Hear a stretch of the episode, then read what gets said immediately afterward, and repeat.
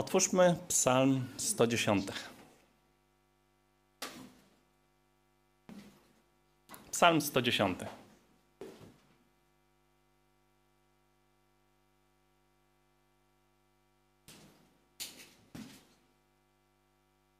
Nie jest długi, więc na początek pozwolę sobie przeczytać go całego. Psalm Dawidowy. Rzekł Pan Panu memu: Siądź, siądź po prawicy mojej, aż położę nieprzyjaciół Twoich jako podnóżek pod nogi Twoje. Berło mocy Twojej ześle Pan z Syjonu. Panuj wśród nieprzyjaciół swoich. Lud Twój chętnie pójdzie za Tobą w świętej ozdobie, gdy, stawisz, gdy wystawisz wojsko swoje. Łódź Twoja zrodzić się jak rosa z zorzy porannej. Przysiąg Pan i nie pożałuje. Tyś kapłanem na wieki według porządku Melchizedeka. Pan pod prawicy Twojej zetrze król, królów dzień swego gniewu. Będzie sądził narody, pobije wielu, roztrzaska głowy jak ziemia szeroka. Będzie pił w drodze ze strumienia, dlatego głowę podniesie. To by było na tyle, jak chodzi o wstęp.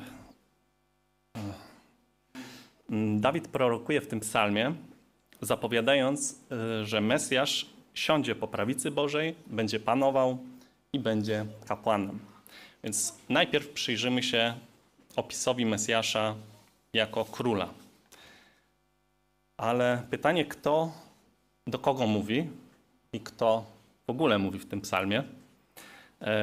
My wiemy, że autorem psalmu jest Dawid, nie tylko z tego, że na początku jest napisany psalm Dawidowy, ale też z tego wiemy, że nie było to kwestionowane w Izraelu, kiedy Jezus, cytując ten psalm w Marka 12:36, powiedział tak.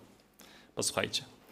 Wszak sam Dawid powiedział w Duchu Świętym: Rzekł Pan do Pana mego: Siądź po prawicy mojej, aż położę nieprzyjaciół Twoich pod nóżkiem stóp Twoich.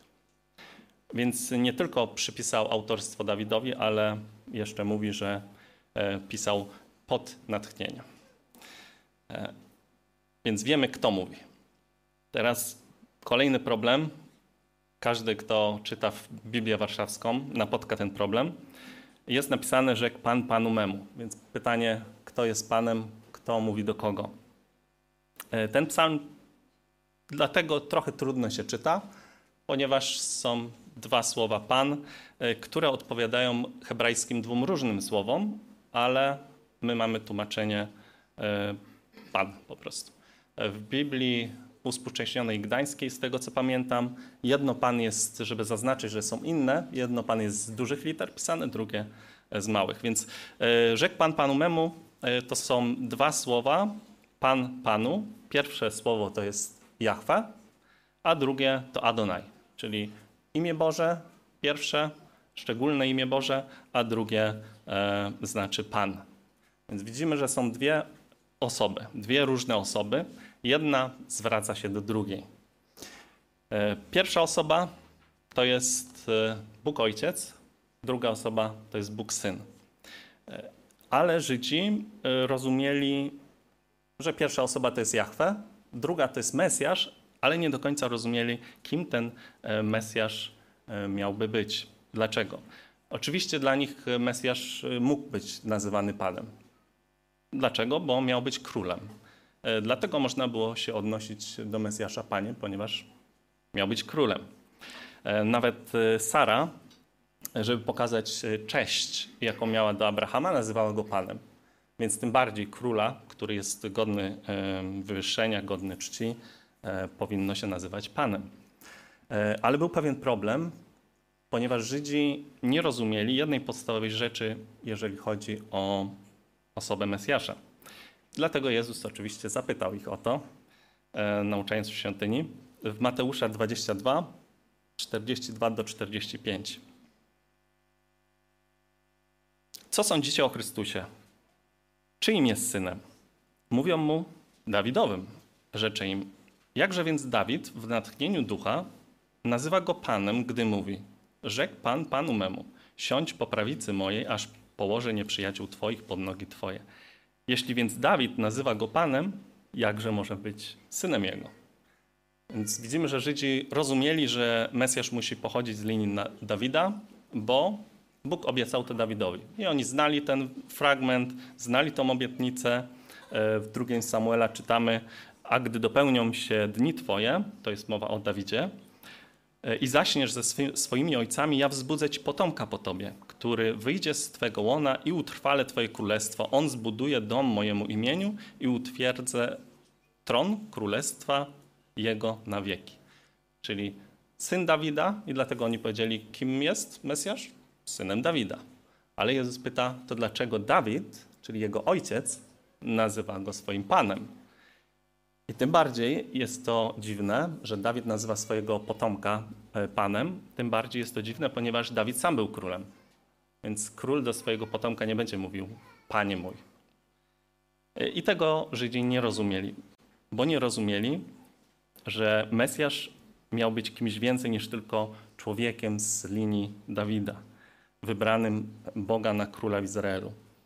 E, Jezus miał być i jest panem Dawida, jest panem całego Izraela i jak zobaczymy, jest panem całego świata. Oczywiście pytanie Jezusa pozostało bez odpowiedzi ze strony Żydów. Ale czytamy, co powiedział Pan do Pana, czyli co powiedział Bóg Ojciec do e, Syna swojego, do Boga Syna, drugiej osoby Trójcy. E, powiedział, siądź po prawicy mojej. Jezus uniżył się, stał się sługą, umarł dla naszego zbawienia, zmartwychwstał, wstąpił do nieba i Ojciec go wywyższył. E, widzimy w tym aktywne działanie e, Boga Ojca. To nie jest tak, że e, Jezus sam się wywyższył na, na ten tron czy na miejsce po, po prawicy Ojca, ale wywyższył go sam Ojciec. Nie było to automatyczne wywyższenie, także po prostu wszedł do nieba i, i siadł tak, tak automatycznie. Tak się nie stało widzimy, że wywyższeniem syna zajmuje się sam ojciec. E, I pamiętajcie o tym, bo to będziemy widzieć w e, reszcie psalmu również. Więc Jahwe wywyższył Adonai, czyli ojciec wywyższył syna, sadzając go po swojej prawicy. No i też pytanie, co to jest prawica? E, u nas to już trochę zatraciło swoją, swoje znaczenie. E, że ktoś stoi po prawej stronie czy po prawicy. E, prawica to było miejsce najwyższego autorytetu, przywilejów i czci. To znaczy, że Chrystus, Jezus, druga osoba Trójcy, będzie dzielił i dzieli moc, władzę i błogosławieństwo. To, co należy się Ojcu, należy się teraz Synowi. I oczywiście to należy się Mu z powodu tego, co zrobił i z powodu tego, kim jest. Ale to ojciec wywyższył go do tego miejsca, powiedział mu zasiąść. Czyli to nie jest tak, że Chrystus dostał coś, co mu się nie należało, ale do tego, do tego wywyższenia doszło przez Ojca. Ojciec chciał wywyższyć swojego syna, sadzając go po swojej prawicy. E, Chrystus uniżył się, zszedł nieba, ale został z tego uniżenia wywyższony. I teraz dzieli wszystko z Ojcem. W pierwszym liście Piotra 3,22 czytamy tak. Siedzi po prawicy Bożej, a poddani mu są aniołowie i zwierzchności i moce. Czyli wszystkie autorytety, e, cały, cała władza e, w niebie jest, e, należy do Ojca, i do syna. Tak samo jak do ojca, tak samo do syna. I ciekawe jest to też, że ojciec sadza syna na swoim tronie. E, to jest ciekawe, ponieważ jak to był, ten, jak wyglądał ten tron, skoro jest podwójny tron, czy w każdym razie wiemy, że to jest e, tron ojca. I ojciec wywyższa go właśnie do tej pozycji, e, mówiąc: siądź tutaj po mojej prawicy na moim tronie. E, I jak zaraz zobaczymy, na tym ojciec nie poprzestanie. No ale kiedy się to dokładnie stało? Pytanie, Kiedy powiedział ojciec do syna siądź i syn siadł po prawicy? Kiedy otrzymał to wspaniałe, został tak wspaniale wywyższony? E, przed chwilą czytaliśmy w 1 Piotra 3,22, że stało się to zaraz po wstąpieniu do nieba, ale przeczytajmy jeszcze list do Efezjan 1,20. 1,20. Chodzi tutaj o moc. E, moc, jaką okazał w Chrystusie, gdy wzbudził go z martwych i posadził po prawicy swojej w niebie. Czyli zbudzenie z martwych i posadzenie po prawicy w niebie. Stało się to zaraz po wzbudzeniu z martwych i w niebo wstąpieniu. Chrystus wstąpił do nieba i zasiadł tam jako Pan, dzieląc chwałę, cześć i moc z Ojcem. No ale tak jak mówiłem, nie kończy na tym Ojciec e, wywyższenia swojego Syna. Nie wystarczy, że zasiadł na tronie i poddane są mu e, zwierzchności, moce, aniołowie. Ojciec chce czegoś więcej dla Syna. Czytamy dalej. Powiedział zasiąść i jeszcze powiedział, że coś zrobi. Powiedział, aż położę nieprzyjaciół Twoich jako podnóżek pod nogi Twoje. Czyli mamy tron, mamy podnóżek pod nogi, ale to nie jest taki podnóżek, który by był tylko dla wygody, mm, chociaż tak się stosuje podnóżek, ale królowie przedstawiali swoje panowanie nad wrogami w tamtych czasach właśnie przez położenie swojej nogi na e, wrogach, czy na głowach, czy karkach. E, przeczy, przeczytam przykład czegoś takiego w księdze Jozłego. Jozue po walce wziął jeńców, królów i powiedział do swoich dowódców tak: Zbliżcie się i postawcie swoje nogi na karkach tych królów. Więc Bóg Ojciec ma nie tylko sprawić, e, czy sprawił, my już wiemy, że to się stało, dla psalmisty to było coś, co będzie w przyszłości, ale my e, wiemy, że to już się stało, więc On sprawił, że Chrystus e, zasiadł po prawicy, ale też sprawi Ojciec, że Chrystus rozprawi się całkowicie ze swoimi wrogami.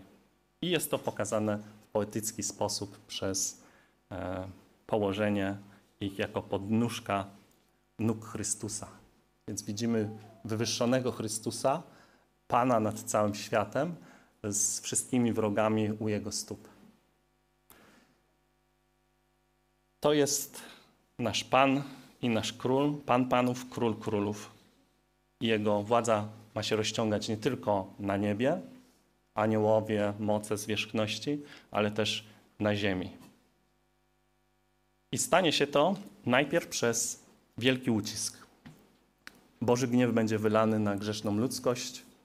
E, to jest sąd w postaci wojen, plag, głodu, strasznego trzęsienia ziemi nie takiego miejscowego, jak, jak wszyscy wiemy, ale e, trzęsienie ziemi, które pochłonie e, wiele, wiele, wiele osób, część ziemi. Pożaru, który sprawi, strawi dużą część e, roślinności ziemskiej, czegoś, co uderzy w, z nieba w ziemię, w ocean, znaczy Ziemię jako planetę, w ocean dokładnie i zniszczy życie, całe życie w oceanach.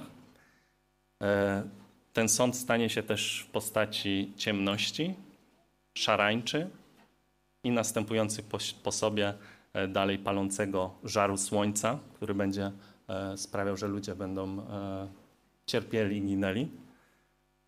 Wielu, wielu ludzi, ludzi zginie na całym świecie. Ale to nie koniec, bo to jest wielki ucisk. Chrystus jest w niebie. Ale Chrystus po wielkim ucisku powróci i rozprawi się z resztą ludzkości, pozostałą resztą ludzkości. Więc to poddanie, podstawienie pod, e, e, jako podnóżek stanie się e, częściowo przez wielki ucisk, a później przez powrót Jego.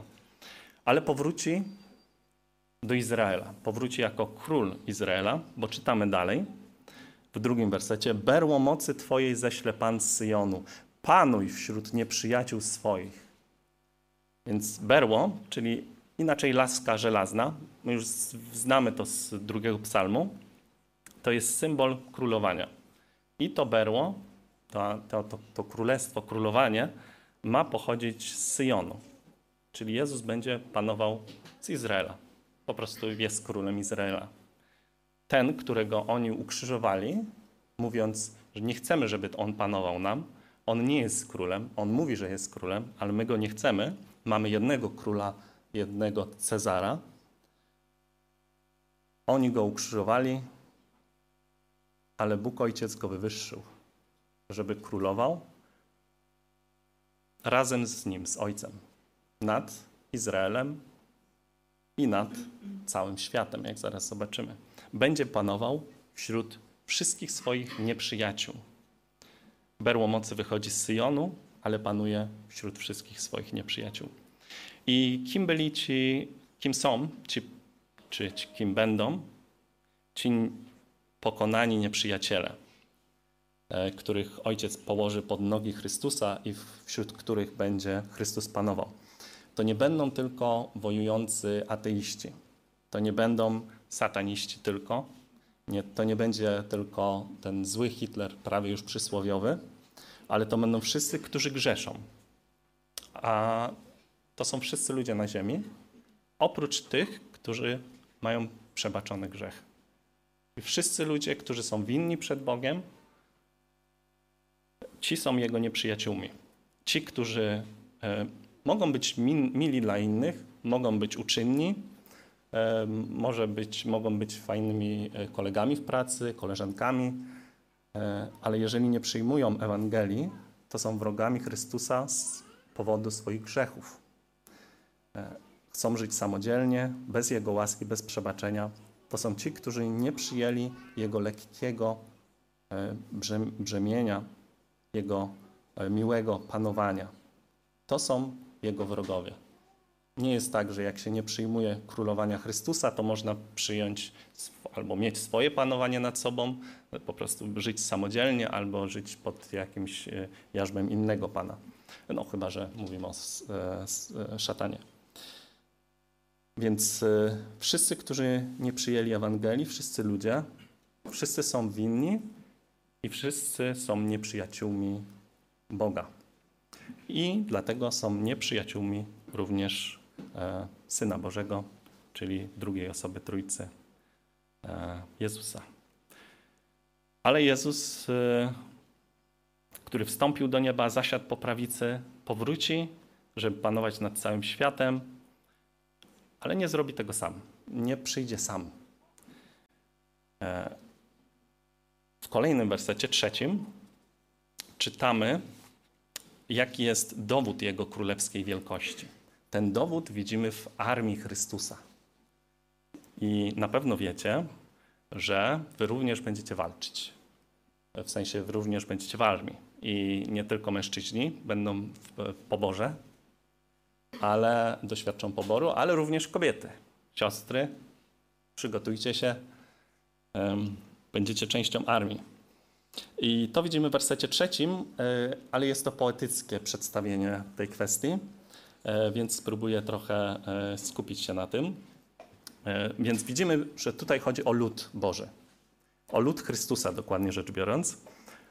Trzeci werset. Lud Twój chętnie pójdzie z Tobą w świętej ozdobie, gdy wystawisz wojsko swoje.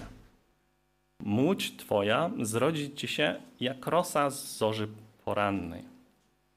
Czyli widzimy wielkość Chrystusa, ale tym razem w Jego ludzie. Skupiamy się na e, Jego e, ludzie, a dokładniej na Jego armii, bo to jest dzień, w którym On wystawi swoją armię, swoje wojsko. Gdy wystawisz wojsko swoje.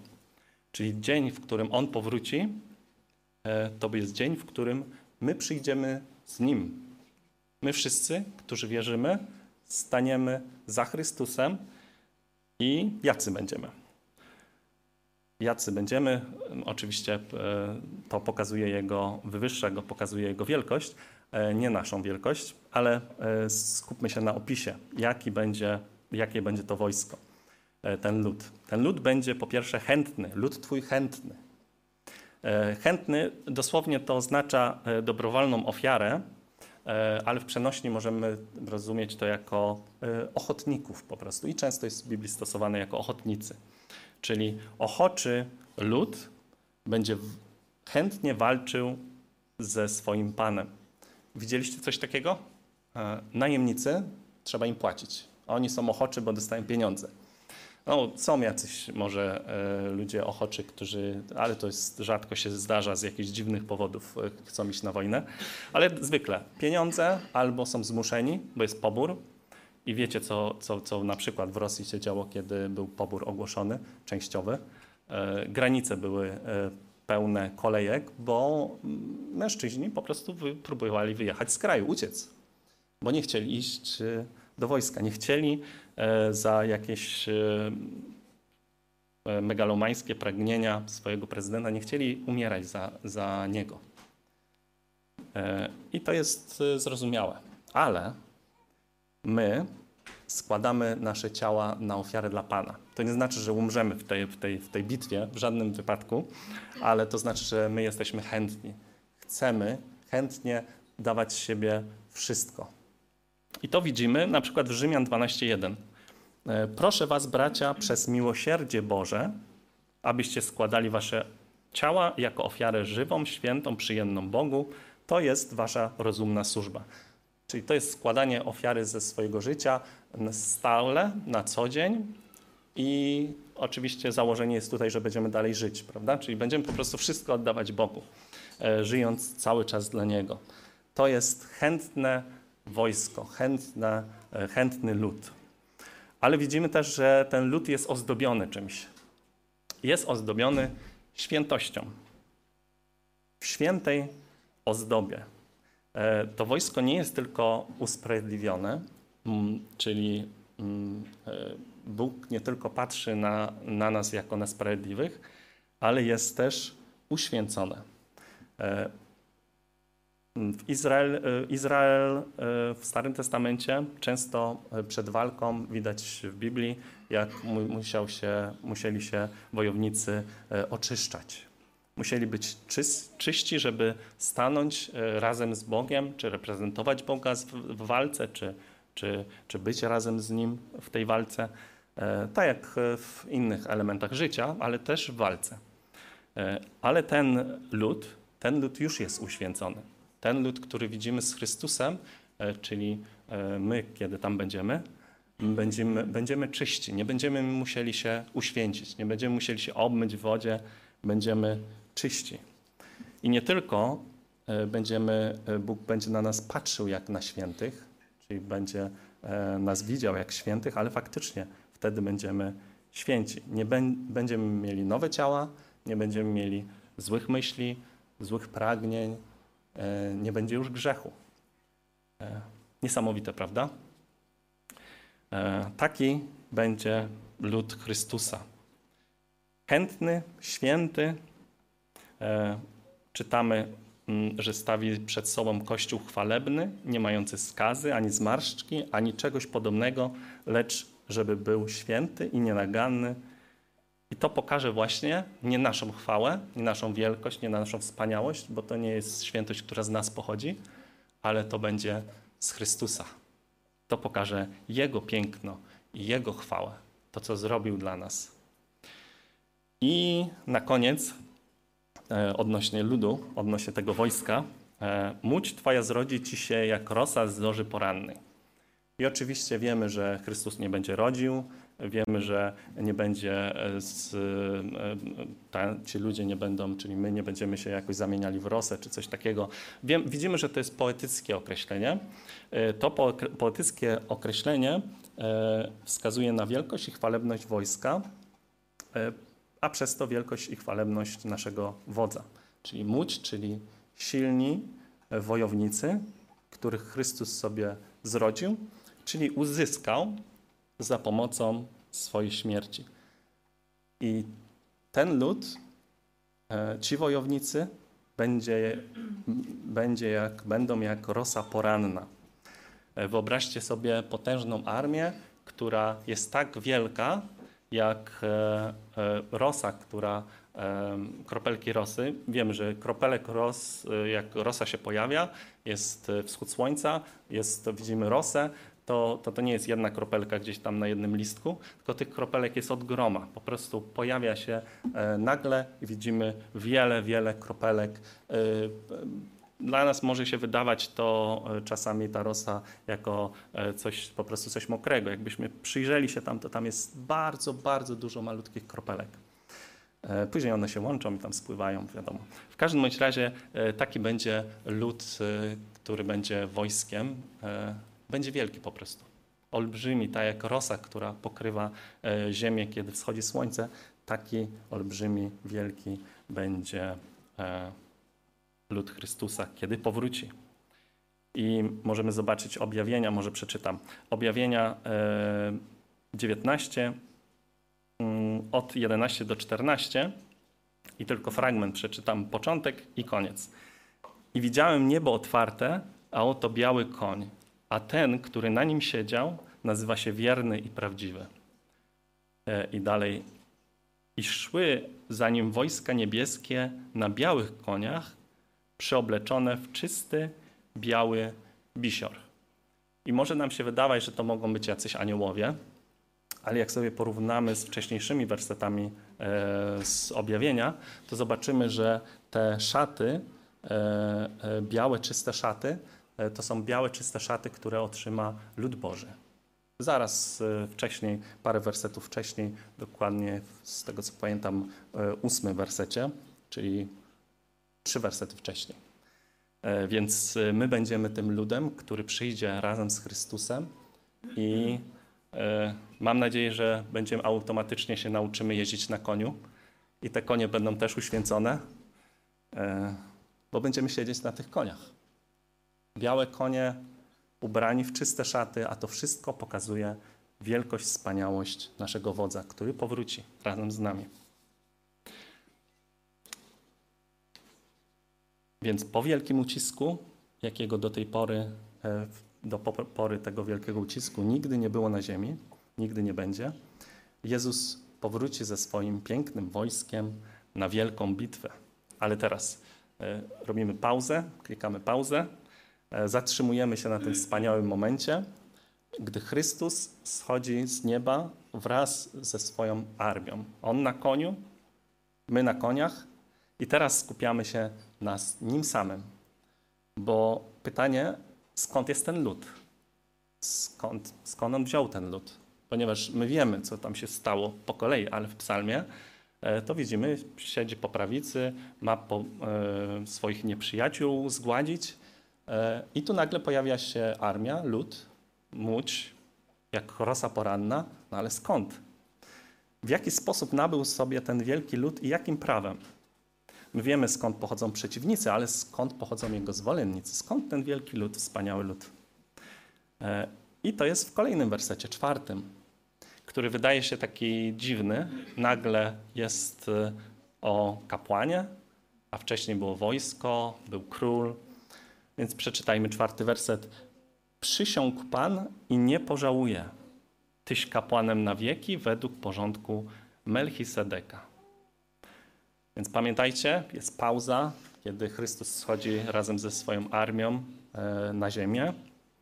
E, A teraz e, przechodzimy do przysięgi, którą Bóg Ojciec składa o swoim Synu. Mówi, że Chrystus jest kapłanem, ale nie kapłanem według linii Arona, e, tylko kapłanem według porządku czy linii Melchisedeka. Dlaczego? E, Pamiętamy pewnie, że Abraham e, po pobiciu czterech królów spotkał na swojej drodze właśnie tego Melchizedeka, króla Salemu i został nazwany on kapłanem, czyli to był król kapłan. Czytamy w pierwszej Mojżeszowej 14, 18, 19. Melchizedek zaś, król Salemu, wyniósł chleb i wino, a był on kapłanem Boga Najwyższego i błogosławił mu. I dalej czytamy, a Abraham dał mu dziesięcinę ze wszystkiego. Czyli to był prawdziwy kapłan prawdziwego Boga i był też królem. Jest to napisane, ale też jest potwierdzone przez Abrahama, bo Abraham dał mu dziesięcinę. I dziesięcinę składa się Bogu przez ręce na przykład kapłana, e, ale nie, Abraham nie złożyłby tej dziesięciny obcemu Bogu, oczywiście, jak przez kapłana obcego Boga.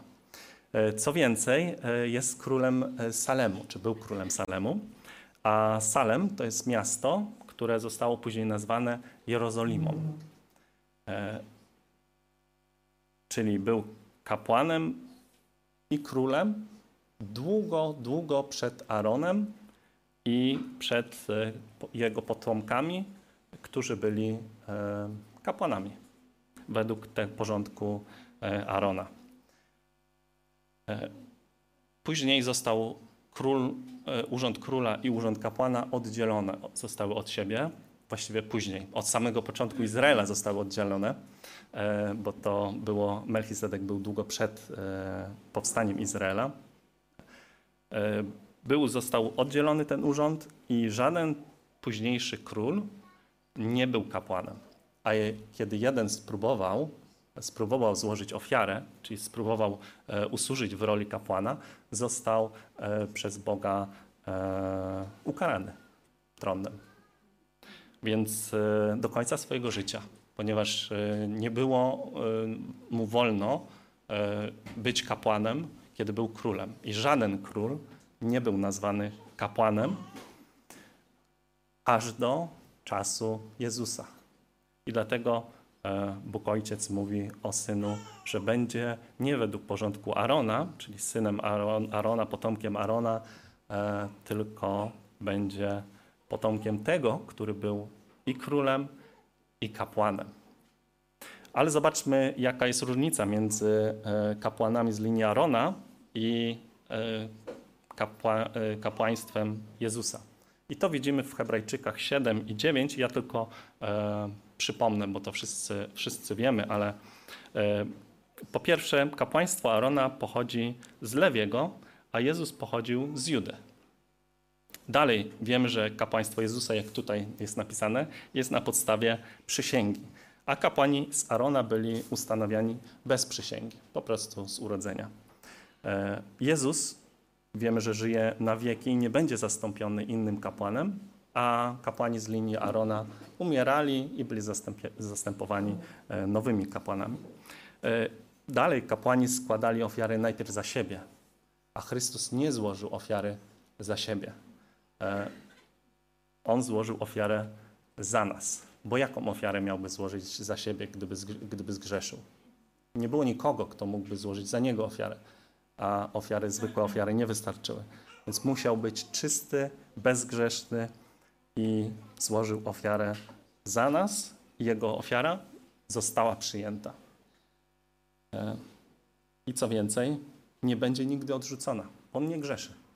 On jest idealnym kapłanem i skończył nawet swoją, e, swój, e, swoje ofiarowanie, ale zaraz to zobaczymy. E, kapłani dalej składali ofiary codziennie, a Jezus złożył raz na zawsze jedną ofiarę i to czyni nas czystymi w Bożych oczach. Dalej ofiary ze zwierząt składane przez kapłanów nie były idealne i nie były dobrowolne. Wiem, te, te zwierzęta nie godziły się na to, nie, były, nie chciały tam iść, a Jezus złożył dobrowolnie idealną ofiarę za siebie, yy, z siebie. Dalej, na koniec, ziemska świątynia była tylko odbiciem świąt tej świątyni w niebie i była zrobiona yy, właśnie z Bożego polecenia na wzór tego, co jest w niebie. I Jezus nie wszedł do kopii tej świątyni w niebie, czyli do tej, do tej świątyni w Jerozolimie, żeby złożyć ofiarę z siebie, e, do której wchodzili kapłani z linii Arona. On wszedł do prawdziwej świątyni i zawsze tam będzie. E, Jezus, podsumowując, nie jest taki jak kapłani e, z linii Arona. On jest tym, kogo oni tylko swoim służbom zapowiadali.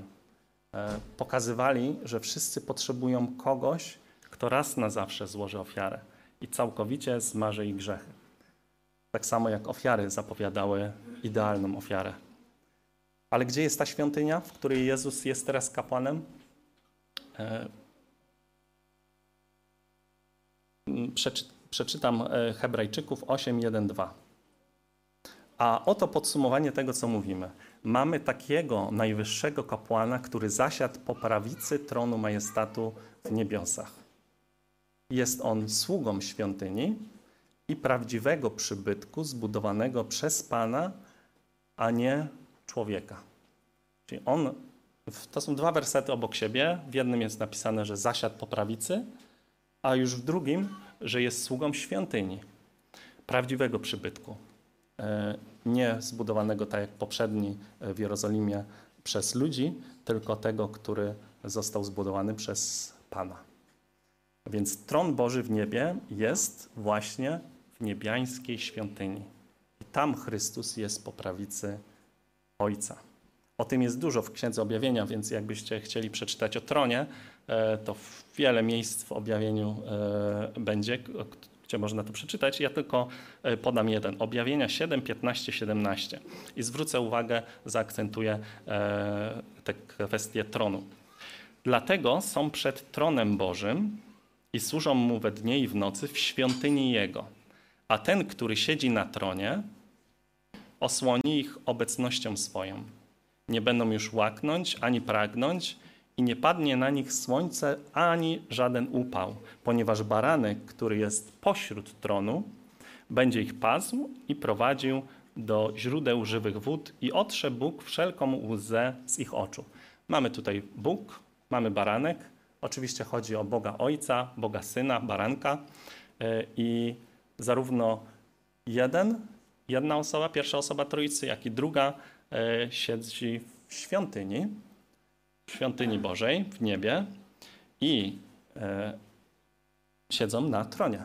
Właściwie baranek jest napisane, że pośród tronu, więc to nie rozwiązuje kwestii, jak wyglądał ten tron, gdzie tam, e, czy był podwójny, przesunięte miejsce, jedno względem drugiego. W każdym bądź razie i ojciec, i syn są na jednym tronie, na tym samym tronie, który jest w świątyni. Więc Jezus jest królem i kapłanem i dlatego jesteśmy Jego własnością na wieki. On wszedł, e, nie tylko zasiadł w tronie, na tronie, ale też e, zasiadł na tronie, który jest w świątyni. Czyli e, cały czas może wstawiać się za nami u Boga.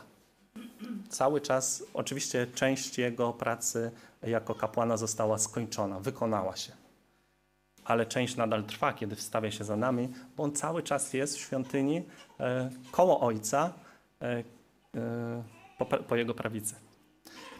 I dlatego pewnie już nas nie dziwi, że dalej w wersecie piątym jest powtórzone Pan po prawicy Twojej. Czyli kapłan, a tutaj znowu jest, e, siedzi na tronie. E, Dawid chciał potwierdzić, że jest to kapłan. Najpierw czytamy, że jest królem, później, że jest kapłanem, a teraz znowu jest królem. Kapłan, król, bo siedzi po prawicy ojca w świątyni. Kapłan i król. E, tak powinniśmy sobie właśnie teraz wyobrażać Jezusa i powinniśmy pamiętać o tym, że jest to Pan, który dokonał za nas zadośćuczynienia i teraz ma wszelką chwałę i wszelką moc i kiedyś powróci, żeby rozprawić się ze swoimi przeciwnikami. I znowu wracamy do przeciwników, czyli zoom był na e, e, przybliżenie na Chrystusa, e, a teraz wracamy znowu na, e, do Jego e, przeciwników. E, więc pamiętajmy, że te dwa urzędy są nierozerwalnie związane w jednej osobie, tylko w jednej osobie i nią jest e, nasz Pan Chrystus. E, to było zapowiadane nawet w Zachariasza 6:13. Przeczytam w wersji UBG, bo jest bardziej jasne tam, że to chodzi o te dwa urzędy. On zbuduje świątynię Pana, będzie obdarzony chwałą, zasiądzie na swoim tronie i będzie panować na nim, i będzie on kapłanem na swoim tronie. I rada pokoju będzie między nimi oboma, czyli będzie pokój, będą połączone w jedno. E, jedna osoba będzie królem i kapłanem. Kapłan na tronie, wyobrażacie sobie? Dla Izraela to było niewyobrażalne, to było zabronione. Kapłan nie mógł być na tronie, a król nie mógł przyjść do świątyni e, w roli kapłana. Ale Chrystus taki jest. To jest e, taki król, którego świat nie widział.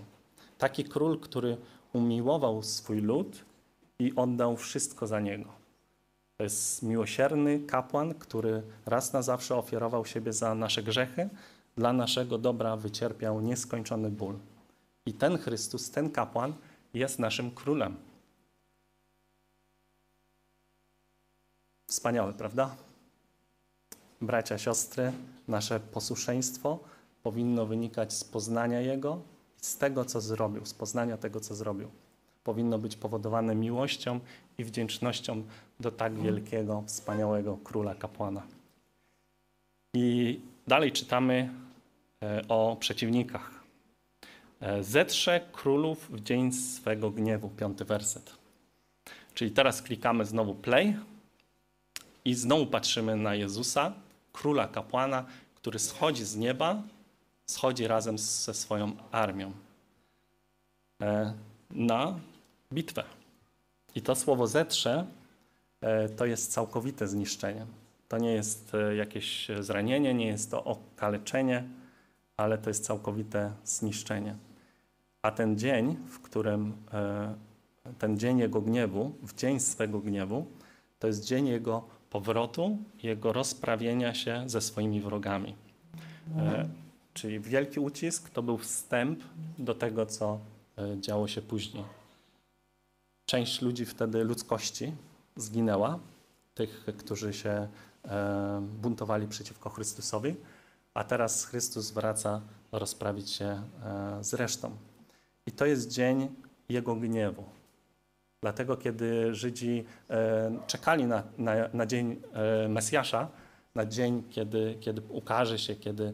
E, no to ten, ten dzień był dosyć taki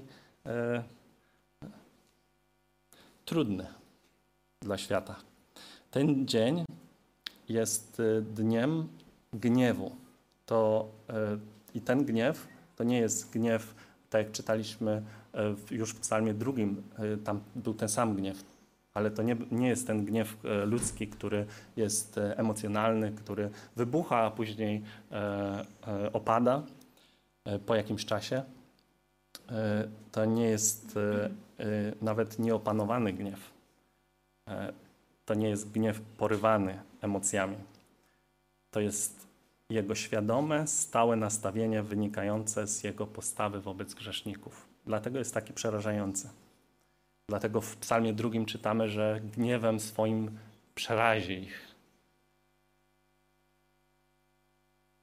Dlatego dzień powrotu Chrystusa dla nas jest wyczekiwany, ale dla jego przeciwników będzie najgorszym dniem, jaki przeżyli.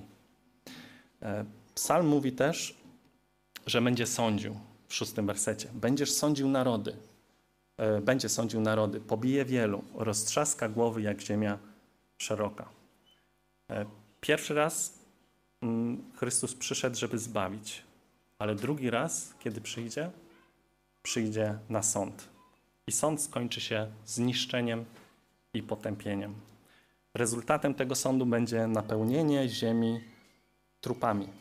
On roztrzaska głowy tych, którzy się wynosili, panowali nad narodami, którzy e, byli jego przeciwnikami. Po horyzont będą ciała Bożych przeciwników. E, można powiedzieć w poetycki sposób z rozłupanymi e, głowami, czyli po prostu martwymi. Rozdział 19 Księgi Objawienia właśnie opisuje ucztę, która wtedy będzie i ta uczta to jest uczta ptaków, które się zlecą, padlino, padlinożernych, które zlecą się, e, żeby ucztować po tej e, bitwie, po tej walce. E, w objawieniu 19, 17, 18 czytamy tak. I widziałem jednego anioła, anioła stojącego w słońcu i zawołał głos, głosem donośnym, mówiąc wszystkim ptakom latającym środkiem nieba, nurze, zbierzcie się na wielką ucztę Bożą, aby jeść ciała królów, ciała wodzów i ciała mocarzy, ciała koni, ich jeźdźców i ciała wszystkich wolnych i niewolników, małych i wielkich. Pozostali zaś zostali zabici mieczem wychodzącym z ust tego, który siedział na koniu. I wszystkie ptaki najadły się ich ciałami. Tak będzie wyglądała wielka bitwa po powrocie Chrystusa. Tak będzie wyglądał Armagedon. E, Chrystus żył bezgrzesznym życiem, złożył z siebie ofiarę zastępczą, wstąpił do nieba, teraz jest królem kapłanem, ale kiedyś powróci. Powróci, żeby rządzić i w wielkiej bitwie zetrze swoich wrogów proch całkowicie.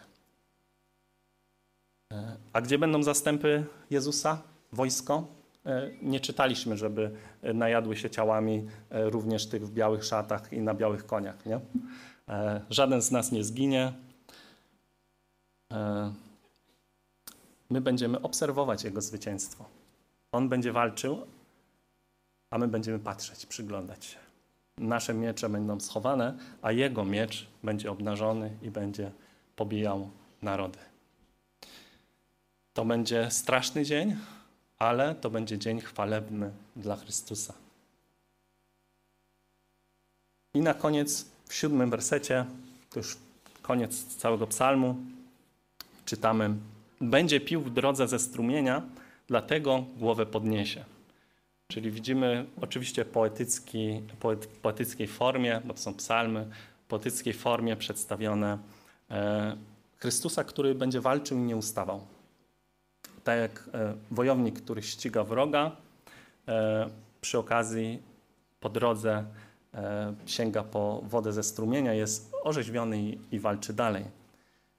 I nie chodzi o to, że Jezus będzie cokolwiek pił z jakiegokolwiek strumienia, bo nie będzie takiej potrzeby, jak czytamy w objawieniu, ale chodzi o to, że on nie spocznie, aż nie skończy się rozprawiać ze swoimi wrogami. I dlatego w objawieniu jest napisane, że ci zginą, a reszta, która zostanie przy życiu, Chrystus ich e, mieczem e, pobije. Wszystkich. I wszyscy będą na uczcie, e, tej ptasiej uczcie. E, Więc e, widzimy gorliwość Chrystusa w tej e, wielkiej bitwie. I po tym, po tej wielkiej bitwie nastanie Królestwo Boże. Najpierw tysiącletnie królestwo, a później wieczne, któremu nie będzie końca, jak czytaliśmy w obietnicy danej Dawidowi odnośnie jego potomka. On będzie wiecznym królem i jego królestwu nie będzie końca. I wreszcie przeciwnicy Chrystusa będą zniszczeni, a śmierci, głodu i chorób już nie będzie. Nawet śmierć jako przeciwnik Boży, jako przeciwnik Chrystusa zostanie zniszczona. Już była pokonana, a teraz zostanie zniszczona. Nie będzie już śmierci. To będzie ostateczny triumf naszego króla, kapłana Jezusa Chrystusa. Więc wyczekujmy Jego ponownego przyjścia, Jego objawienia się, e, objawienia się Jego mocy i nas w pełnej ozdobie e, świętości jako Jego oblumienicy. My będziemy na to patrzeć, będziemy e, razem z Nim. Pomódlmy się.